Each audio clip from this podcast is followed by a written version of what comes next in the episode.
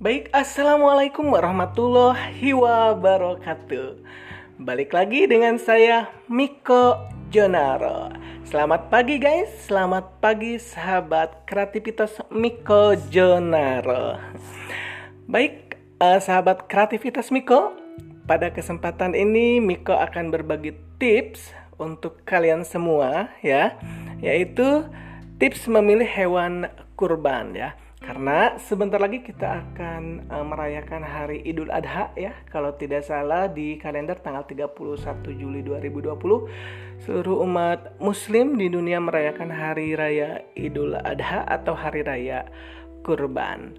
Ya, bagi kita yang akan berkurban tentunya ada beberapa hal yang akan yang harus diperhatikan untuk memilih hewan kurban ya Ya, di sini ada beberapa tips memilih hewan kurban yang sehat dan memenuhi syarat, seperti yang dikutip dari laman situs internet tirto.id.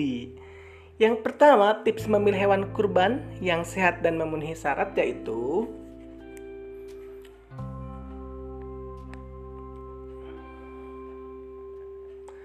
Ya, uh, bulu hewan itu dipastikan bersih dan mengkilat. Yang kedua, gemuk dan lincah. Yang ketiga, muka cerah. Yang keempat, nafsu makan yang baik. Yang kelima, lubang mulut, mata, hidung, telinga, dan anus bersih dan normal. Kemudian suhu badan, suhu badan hewan tersebut uh, normal ya atau di posisi suhu di 37 derajat Celcius. Kemudian hewan tidak kurus ya. Kemudian hewan juga tidak buta. Hewan tersebut tidak pincang. Kemudian telinga hewan tidak rusak.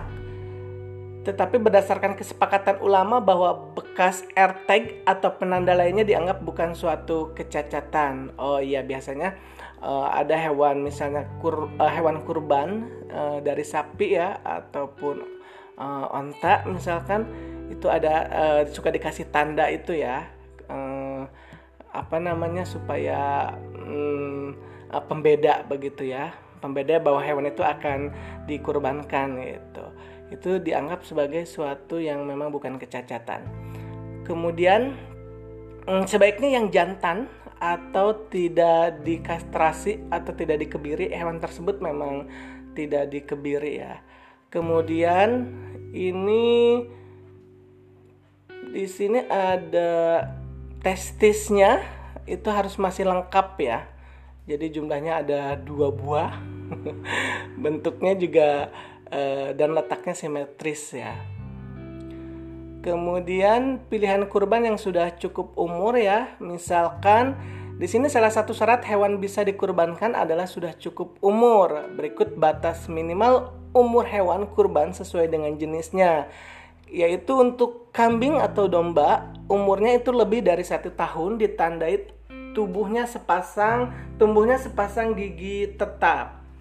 Kemudian untuk sapi atau kerbau umurnya lebih dari dua tahun ditandai tumbuhnya sepasang gigi tetap Meskipun tidak diwajibkan, masyarakat diimbau sebaiknya mengorbankan hewan yang jantan. Hal ini dianjurkan karena hewan-hewan kurban seperti sapi, kambing, domba, dan kerbau yang betina dibutuhkan keberadaannya untuk menjaga populasi penyuplai kebutuhan daging ini. Oh iya. Jadi uh, sebaiknya kalau memang ada sapi jantan atau sapi betina kalau kita mau korban kita pilih yang uh, jantan begitu ya. Walaupun sebenarnya tidak uh, tidak diwajibkan harus jantan betina pun boleh. Ya barangkali demikian uh, tips memilih hewan kurban yang sehat dan memenuhi syarat ya dari Miko Jonaro. Semoga bermanfaat untuk kalian semua dan tentunya Miko ucapkan nanti ya selamat hari raya Idul Adha ya nanti di tanggal 31 Juli insya Allah. Ya itu aja ya. Terima kasih selamat pagi dadah. Mika General lebih beda dan fresh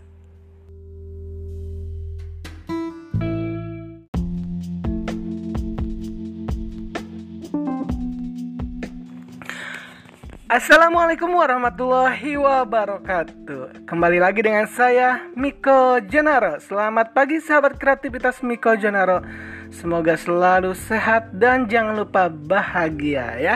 Baik pada kesempatan ini Miko akan berbagi informasi tentang Ini ada informasi yang cukup mengejutkan ya.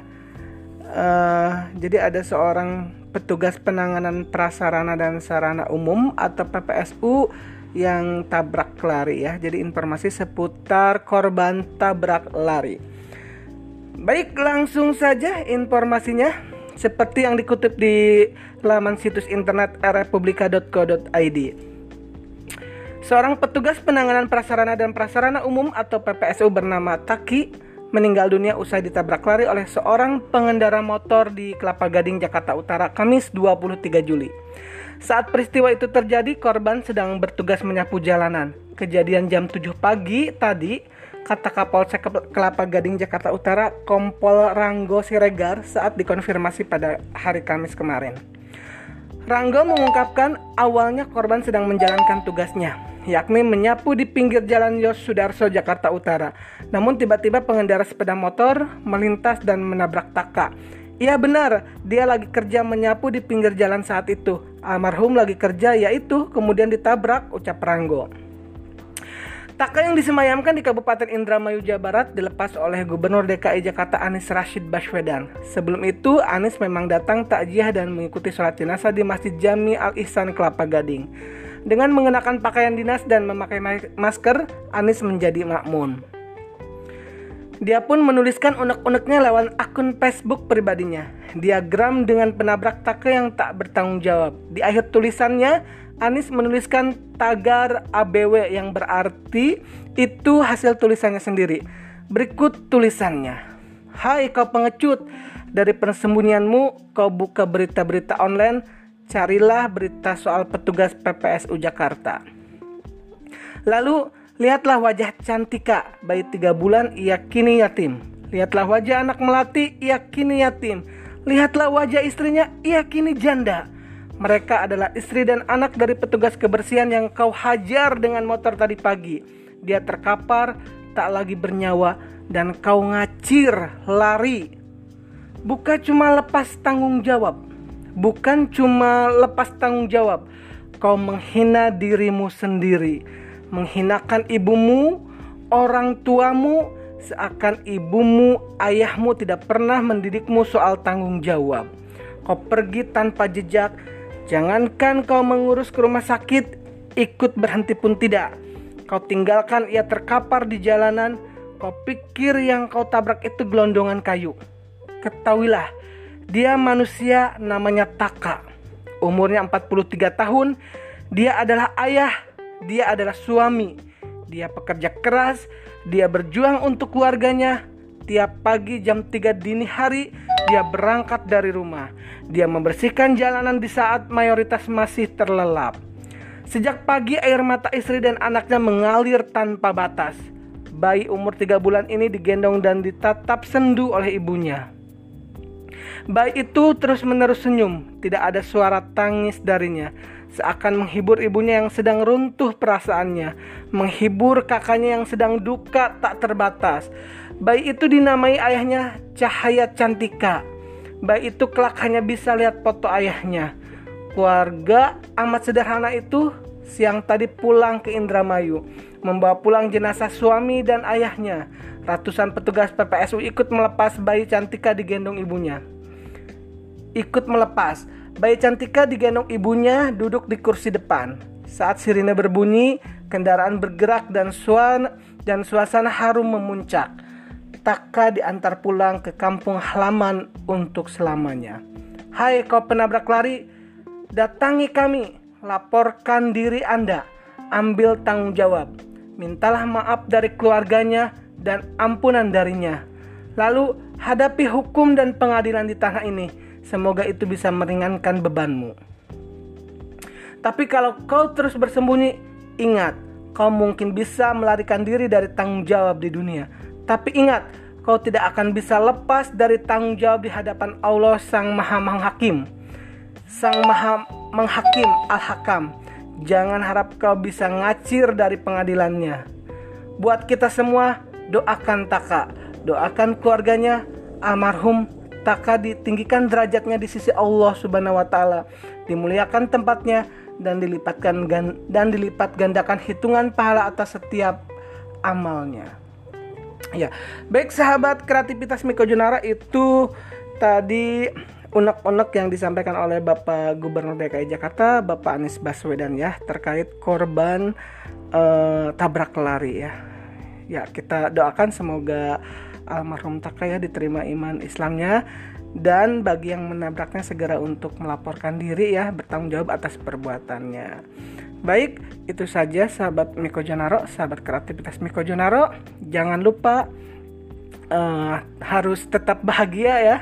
Kemudian uh, itu saja dan tentunya uh, kita bisa ambil hikmah dari kejadian di uh, pagi ini ya, di hari kemarin, tepatnya di hari kemarin. Ya, terima kasih atas uh, kesetiaan uh, sahabat kreativitas Miko Jonaro untuk mendengarkan podcast Miko Jonaro lebih beda dan fresh. Dadah, wassalamualaikum warahmatullahi wabarakatuh.